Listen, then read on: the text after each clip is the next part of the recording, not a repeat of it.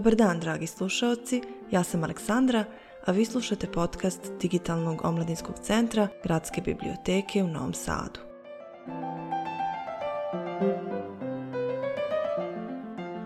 I danas se bavimo jednim od kultnih dela omladinske književnosti. U pitanju je roman britanskog autora Williama Goldinga Gospodar muva.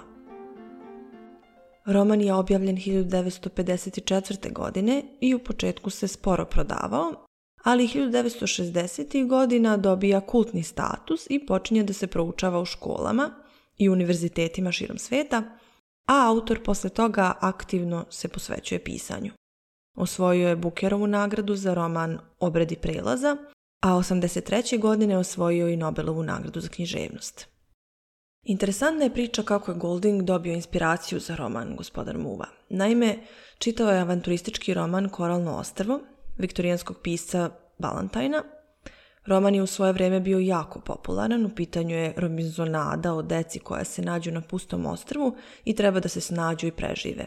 Goldingu se taj roman nije svideo, bio je previše idiličan, svi likovi su bili savršeni, deca su se ponašala kao odrasli, propagirala su zapadnjačke vrijednosti kao jedine ispravne i sadržao je niz moralizatorskih epizoda sa sličnim porukama. Sve to je Goldingu delovalo licemerno i nimalo realistično, pa je seo i odlučio da napiše knjigu koja bi prikazivala kako bi zapravo izgledalo da se deca nađu sama na pustom ostrvu. Inače, Golding je dugo godina radio kao profesor, tako da je dobro poznavao psihologiju deteta. Isto tako učestvovao je u drugom svjetskom ratu i ta iskustva su također uticala na njegov rad, jer je iz prve ruke svedočio kako traume utiču na čoveka a isto tako koliko čovjek zaista može biti okrutan u situacijama kada mu je život u opasnosti, kada svi društveni konstrukti padnu u vodu i on posegne za instinktivnim i animalnim u sebi. Tako da možemo slobodno reći da je gospodar Muva satira na sve te avanturističke priče o preživljavanju na pustom ostrvu koje su postale popularne nakon uspeha Defoovog Romizona Crusoa. Toliko je nastalo jeftinih kopija ovog romana da je nastao novi žanr pod nazivom Rombinzonade, ono što su ovakvi romani propagirali jesu viktorijanski ideali, opravdanje kolonijalne mitologije, nametanje ideje tereta belog čoveka, uz mnogo nacionalizma, rasizma i svega ostalog što usto ide. Sam Golding je ispričao tu priču kako je dobio inspiraciju za roman, a i u samom romanu je eksplicitno rečeno kako su deci koja su se našla na ostrvu prva asocijacija bili ovi jeftini romani o preživljavanju i na samom kraju priče spominje se Koralno ostrvo kada oficir koji pronalazi decu i kada shvati da su tu bili sami i izgubljeni, zaključuje. Odličan provod, kao koralno ostrvo. Što je u snažnom kontrastu sa jezivom scenom koja se samo nekoliko momenata ranije odigrala. I dobijemo jednu potpuno absurdnu ironičnu situaciju koja je u stvari jako strašna. Dakle, u Balantajnovoj knjizi, kada se deca nađu na pustom ostrvu, tu pronalaze sve što im je potrebno za život. Priroda je naklonjena protagonistima, i oni uživaju u ukusnom voću, dok recimo u Goldingovom romanu, jedući samo voće, deca dobijaju dijareju. I ovo je vrlo dobar primjer Goldingove parodije, jer u najvećem broju slučajeva uopšte nije bilo neophodno tražiti kreativan obrt Balantajnovoj priči, nego prosto pratiti likove i pokazati realne posljedice njihovih postupaka umjesto idealizovati i likove i prirodu koja ih okružuje. Dalje, Balantajnovi junaci su prikazani kao savršeni sa vrlo malo dečijih i opšte ljudskih slabosti. Zlo koje se pojavljuje u romanu ne proističe iz dece, već dolazi iz polja. Tako da, kao zlo u Koralnom mostru je predstavljeno sve ono što je primitivno, necivilizovano, divlje, u stvari ono što je neenglesko. Balantajnovi dečaci uspevaju na ostrvu da ponovo stvore viktorijansko društvo i bukvalno kolonizuju domorodce tako što ih pokrštavaju i pod navodnicima civilizuju. Bavit ćemo se ukratko i problematikom ovog termina koji je prilično kontraverzan malo kasnije. Tako da za Balantajna zlo dolazi s polja. Od pirata i kanibala, kao u ostalom i u Robinzonu Crusoe. Ako se sećate kako se Robinzon ponaša prema petku i kasnije kakav je njegov stav prema domorocima koji dolaze na ostrvo. Dakle, u pitanju je strah od nepoznatog, od drugosti, od neengleskog, dok Golding smatra da najveće zlo dolazi od nas samih, iz nas samih, ili šire gledano upravo iz naše površinske civilizovanosti. Tako da je jasno zašto se Goldingu roman nije svideo. Preživeo je rat, video je za kakve su sve grozote ljudi sposobni i koliko u teškim situacijama uopšte znači ta toliko glorifikovana britanska spoljašnja uglađenost. To je posebno jasno prikazano kroz ironiju u posljednjoj sceni u kojoj je Ralf na ivici ludila i pojavljuje se pomorski oficir koji konačno spasava decu, a koji je sam deo rata, odnosno jednog opšteg svetskog ludila. Čini mi se da nisam spomenula da se radnja romana dešava za vrijeme drugog svjetskog rata, a deca su se našla na ostrvu jer se avion koji ih je evakuisao srušio. U prvoj verziji romana postojao je čitav segmenat te evakuacije, ali je izdavač savjetovao Goldingu da izbaci taj deo, da ne bi političke implikacije više odvukle pažnju sa centralne priče. Tako da se ludilo dešava i izvan pustog ostrva, u toj tako idealizovanoj civilizaciji. A deca koja na ostrovu pokušavaju u početku da emuliraju društveni poredak iz kojeg dolaze, na kraju zapadaju u ludilo, kao i to društvo koje ratuje. Ovaj Goldingov pesimizam nije neopravdan, Prosto je 50. godina čitav svet zapao u moralnu krizu posle dva svjetska rata i viktorijanski optimizam, ideje progresa, vera u nauku i religiju, u iskunsku ljudsku dobrotu, sve te ideje su dovedene u pitanje. Kako kritičar Randall Stevenson kaže, svaki bes u Goldingovoj funkciji ne potiče od društvenih uslova 50. godina, već od mračnih zaključaka o ljudskoj prirodi zasnovanih na iskustvima u drugom svjetskom ratu. Sve ovo vodi do rušenja ideje o postojanju naprednije kulture, na kojoj se i zasnivao kolonijalizam i koje je dovela u pitanje postkolonijalna kritika. A nakon pada fašizma, takva se misao s pravom više nije mogla tolerisati. Također se više nije verovalo u metanaracije koje objašnjavaju svijet i na kojima je ranije počivala društveno-politička i filozofska misao. Ne bih sada da ulazim detaljno u karakteristike postmoderne teorijske misli, Verovatno će biti riječ o tome u nekom od narednih podcasta, ali mislim da je neophodno naglasiti neke stvari, prosto da bi se razumeo kontekst dela i njegov odnos prema tradiciji. Jer Golding za osnovu uzima Defoe zaplet i piše postmodernu interpretaciju priče o čoveku na pustom ostrvu. Za postmodernu književnost sve je relativno i subjektivno. I iskustvo, i moral, pa i kultura. Što je sve naravno posljedica društveno-istorijskih događaja pre polovine 20. veka.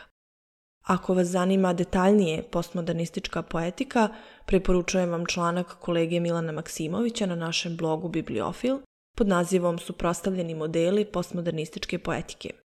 Dakle, bibliofil.gbns.rs Suprostavljeni modeli postmodernističke poetike. A sada da se vratimo na roman.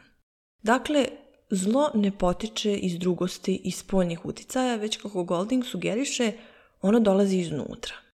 Tako da je neophodno da ljudi prihvate i svoju animalnu divlju stranu koja svakako postoji, jer jedino je tako moguće pronaći unutrašnju harmoniju. Potiskivanje i negacija velikog dela ljudskosti su doveli do katastrofe, kako smatra Golding, tako da je jedino rješenje ozbiljno samosvešćenje i dubinska introspekcija. U Goldingovo vreme Došlo je do kraha industrije, britansko carstvo u kojem sunce nikada ne zalazi i koje je bilo na svom vrhuncu u viktorijansko doba, sada se raspalo. Optimistično verovanje u nekakav prosperitet, kulturološku, moralnu, civilizacijsku nadmoć zapadnog sveta i iskonsku nevinost i dobrotu ljudske duše je konačno dovedeno u pitanje. I sve to se oslikava o Goldingovim dečacima na pustom ostravu. Oni su prikaz civilizacije u malom. Ali umjesto da šire veru, dobrotu i mir, poput protagonista Koralnog ostrva, oni postepeno zapadaju u agresiju i svirepost. Ne znam da li ste primijetili kako su deca u romanima 19. vijeka i ranije uvijek prikazivana kao dobra, lepa, anđelskih atributa, nevina, iskrena i sve u superlativima. Kao recimo kod Dickensa, pa u pričama o Heidi, e, priču o Lisi u Zemlji čuda, u romanu Male žene, u Andersonovim pričama, u Wildovim pričama i tako dalje. U suštini, osim Dickensa, sva ova dela koja sam navela nisu priče o deci, već su priče za decu. I u tome je također bitna razlika. Naravno da ćete u pričama za decu trudite se da prikažete nekakve vrline i poželjno ponašanje i čak i fantaziju i fantastiku prilagoditi tako da deca nešto nauče pa propagirati moralne vrijednosti, isticati razliku između zla i dobra, tako da zlo bude kažnjeno, dobro nagrađeno i tako dalje, što je potpuno razumljivo. Ali knjige o deci ne moraju da budu takve. Međutim, prije 20. veka knjige o deci su bile rijetke, jer se realno jako malo znalo, odrasli se nisu mnogo zanimali decom ili time da proniknu u dečiju psihologiju, Psihologija kao nauka nije postojala, a kroz književnost i filozofiju deca su se posmatrala kao mali ljudi. Tineđer kao doba u odrastanju nije postojalo. Deca su se nakon svoje 10. i 11. godine smatrala odraslima, što objašnjava recimo Bromea i Juliju i mnoge druge junake iz književnosti za koje se zgrozimo kada shvatimo koliko zapravo imaju godina. Tako da se Balantajn odnosi prema svojim junacima kao da su odrasli u malim telima – a ne piše knjigu o deci, već su njegovi likovi više igrom slučaja deca jer se ponašaju kao odrasli. I to kao savršeni odrasli. Nemoguće je govoriti o ovom romanu, a da ne definišem koliko je to u mojoj moći termin civilizacija, jer je o tom bilo i bit će dosta reči. To je termin iz perioda kolonijalizma koji su koristile najmoćnije države tog vremena kako bi stvorile razliku između sebe i naroda koje su eksploatisali, i na taj način opravdali tu eksploataciju. Termin je korišten da označi viši stupanj razvoja društva, tako da postoji dihtomija civilizovano i necivilizovano društvo ili društvo na nižem stepenu civilizacije i na višem stepenu civilizacije.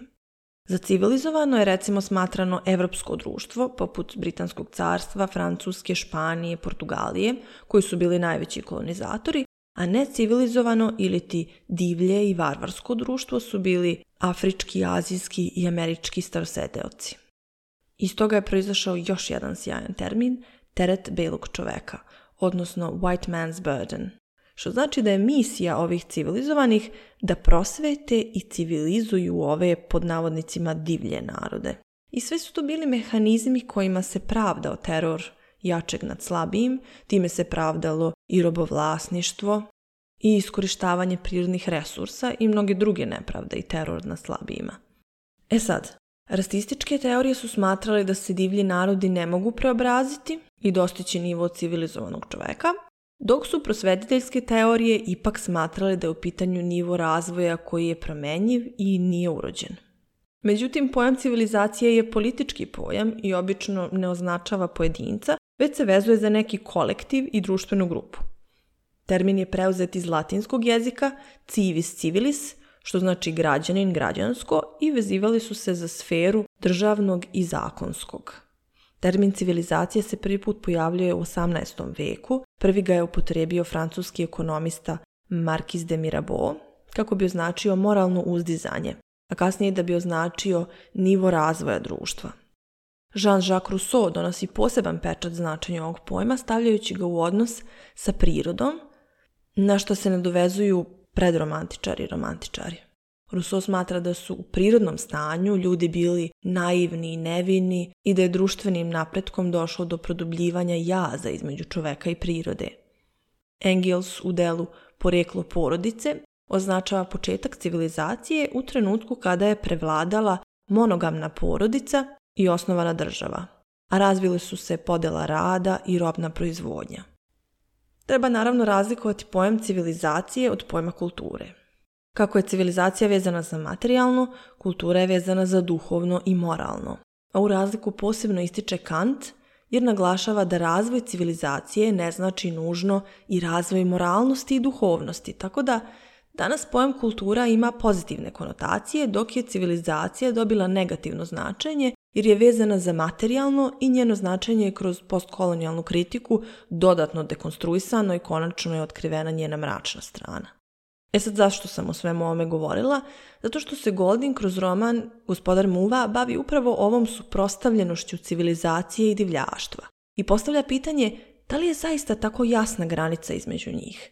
I sam pisac kaže da je njegova namera bila da prati nedostatke društva, do njihovog korena u nedostacima ljudske prirode. Goldingovi dečaci kada se nađu na ostrvu ne znaju da se organizuju, ne znaju da sarađuju, nemaju disciplinu i sve im je to apsolutno neophodno da bi preživali.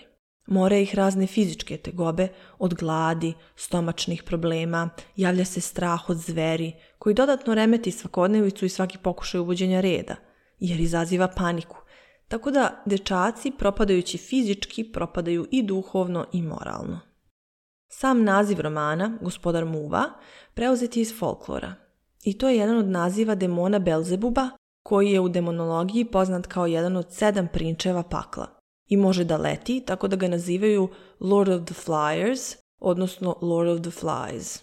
U hrišćanstvu Belzebub je također drugo ime za satanu. U svom slučaju mislim da nije potrebno učitavati neka religijska značenja u priču zbog ovog naslova. Kad se sve uzme u obzir, ovaj naslov u suštini simboliše negativnu, destruktivnu i zlu stranu koja je prisutna u čoveku i koju možemo tumačiti kroz religijsku prizmu, ali rekla bi da je to nepotrebno komplikovanje priče, mada postoje opsežna tumačenja kroz hrišćansku prizmu. U svakom slučaju, tragična greška likova u romanu se sastoji upravo iz tog postojanja zle strane njihove ličnosti, i nemogućnosti da objektivno sagledaju svoje mane i nedostatke. E sad, vrlo malo ljudi je u toj meri samosvesno, jer je prosto kritika u tom obliku vrlo teška, biti objektivan u vezi samog sebe je jako teško, gotovo je paradoksalno, a kada su u pitanju deca to se tek ne može očekivati. U tome leži glavni problem. Kako prihvatiti i pomiriti se sa iracionalnim delom sebe ako ne želite da priznate da taj iracionalni deo uopšte postoji? Savršen primjer su Jackove reči u romanu kada kaže na kraju krajeva nismo divljaci, mi smo englezi, a englezi sve rade najbolje. Iz ove rečenice možemo iščitati mnogo toga o čemu sam govorila. Dakle, ubeđenost belog čoveka u svoju nadmoć, u nekakav bogom dan integritet, u pravo da vlada svetom, u urođenu pravednost i tako dalje. I sad kako takva osoba i u krajnjem smislu kako takva nacija može da se izbori sa svojom mračnom stranom ako je uporno potiskuje i negira i gradi svoj identitet upravo na negaciji svojih mana i slabosti. I onda u jednom trenutku nakon dugog potiskivanja prosto mora sve da proključa. Tako bar smatra Golding i to preispituje svojim delima. Interesantno je recimo i vrlo jednostavno prikazano to što dečaci na brdu vide zver, a strah od te zveri je jedan od glavnih katalizatora njihovog pada u ludilo, a za zvijer se na kraju ispostavlja da je mrtav padobranac, tako da je simbolika ovdje prilično otvorena i jasna. Zvijer i zlo, za koje verujemo da dolaze s polja, zapravo dolaze od čoveka, odnosno ljudi su u stvari izvor najvećeg zla u svijetu, kako poručuje Golding, a negiranje te činjenice i nemogućnost da joj se suprotstavimo će nas samo dovesti do negativnih posljedica. Na kraju kada Ralf plače, kako piše u romanu, za krajem nevinosti, tami čovekovog srca i padu kroz vazduh istinskog mudrog prijatelja po imenu Pigi, i te kada se u Ralfu pojavi svijest o zlu unutar njega samog i postojanje destruktivnog principa u čitavom čovečanstvu, tek onda dolazi do razrešenja.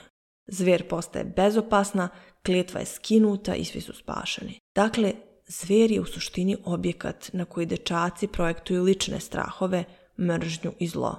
Sa druge strane, roman možemo čitati alegorijski, gde ostrvo simbolično predstavlja ljudsko društvo u malom, u kojem sadizam, koji predstavlja Roger, i totalitarizam, koji predstavlja Jack, zajedno ismevaju, ignorišu i na kraju ubijaju zdrav razum i inteligenciju koju predstavljaju Piggy i Ralph.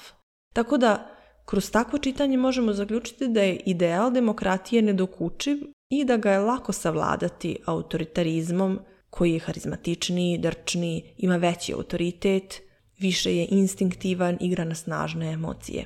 Likovi blizanaca Sema i Erika, koji su u romanu tretirani kao jedna osoba, zapravo predstavlja uniformnost, tako da oni nisu u suštini loši likovi, samo se prilagođavaju bez puno prigovora i prihvataju odluku većine, pa tako prelaze i na Jackovu stranu, što je u suštini kritika demokratije.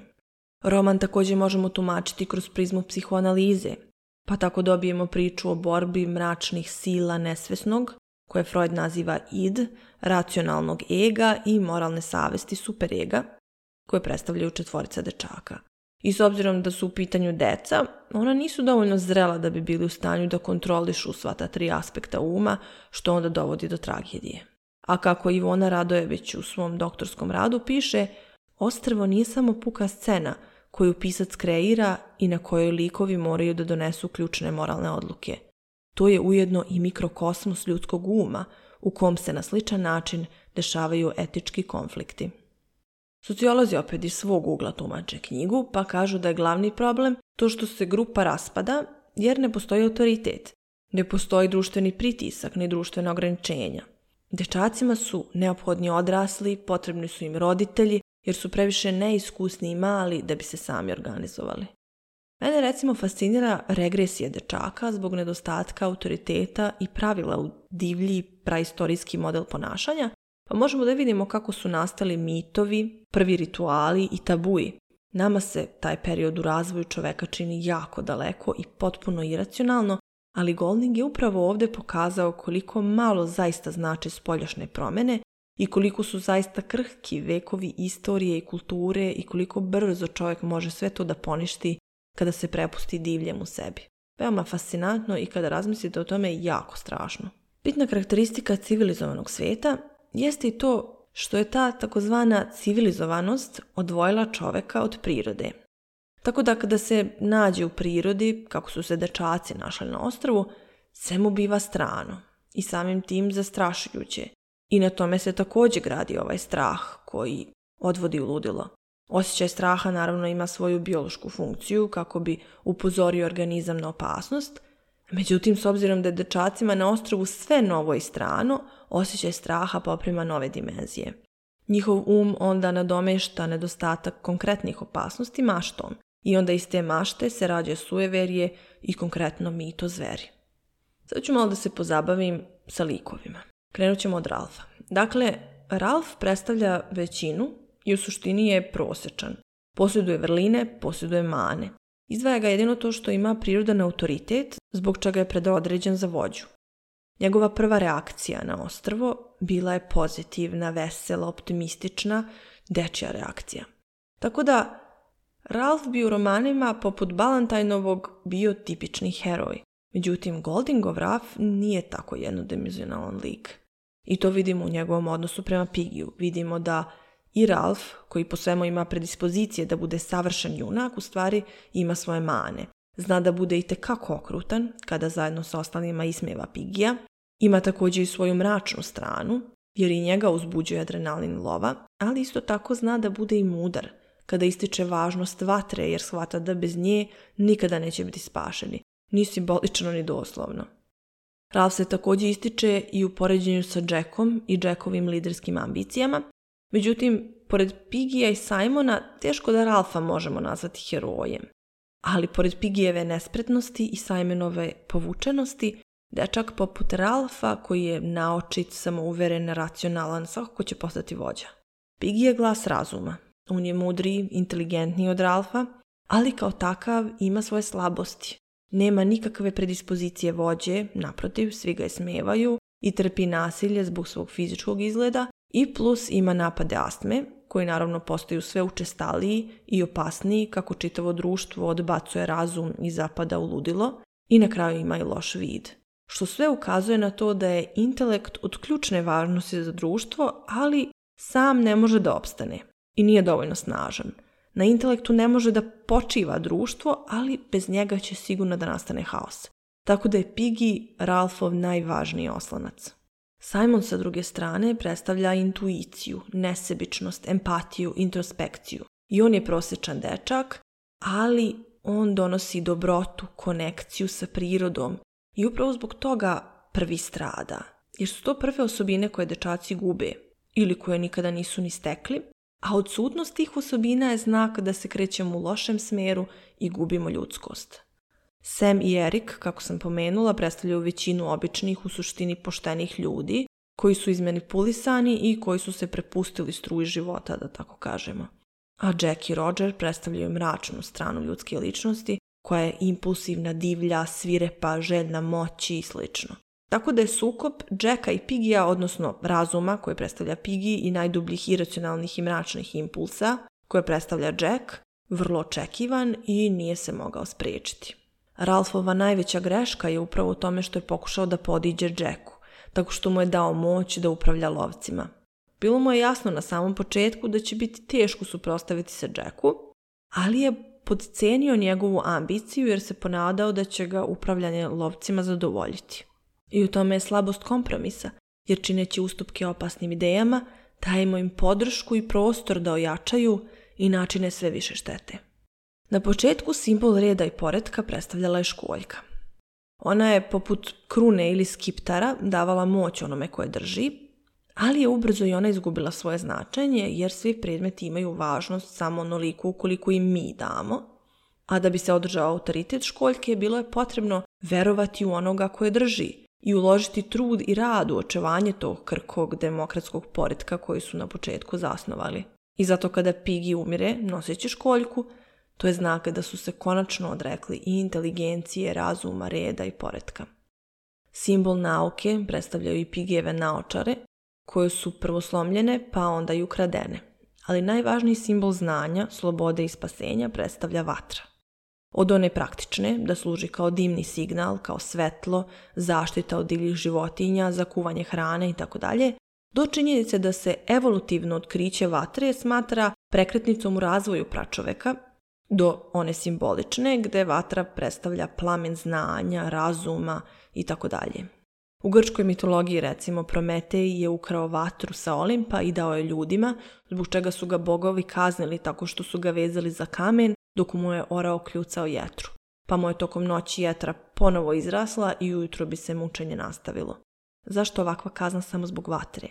Zato što Prometeva vatra simboliše znanje, tehnologiju, nauku, to je ono što je Prometej ukrao od bogova i dao ljudima, zbog čega su ljudi napredovali i razvili se i zbog čega više nisu bili toliko zavisni od bogova.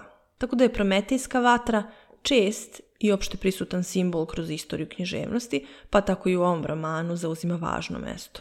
Interesantno je da Golding u suštini opovrgava ovaj antički motiv, jer pokazuje da Može da se desi i suprotno, da zbog ljudske nebrige vatra bude ugašena i znanje izgubljeno.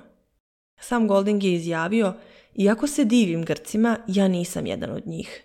Ne pripadam njihovoj intelektualnoj deci. Ja sam zapravo drevni egipćanin, sa svim svojim neracionalnim, duhovnim pragmatizmom i sklonosti ka dvosmislenoj veri.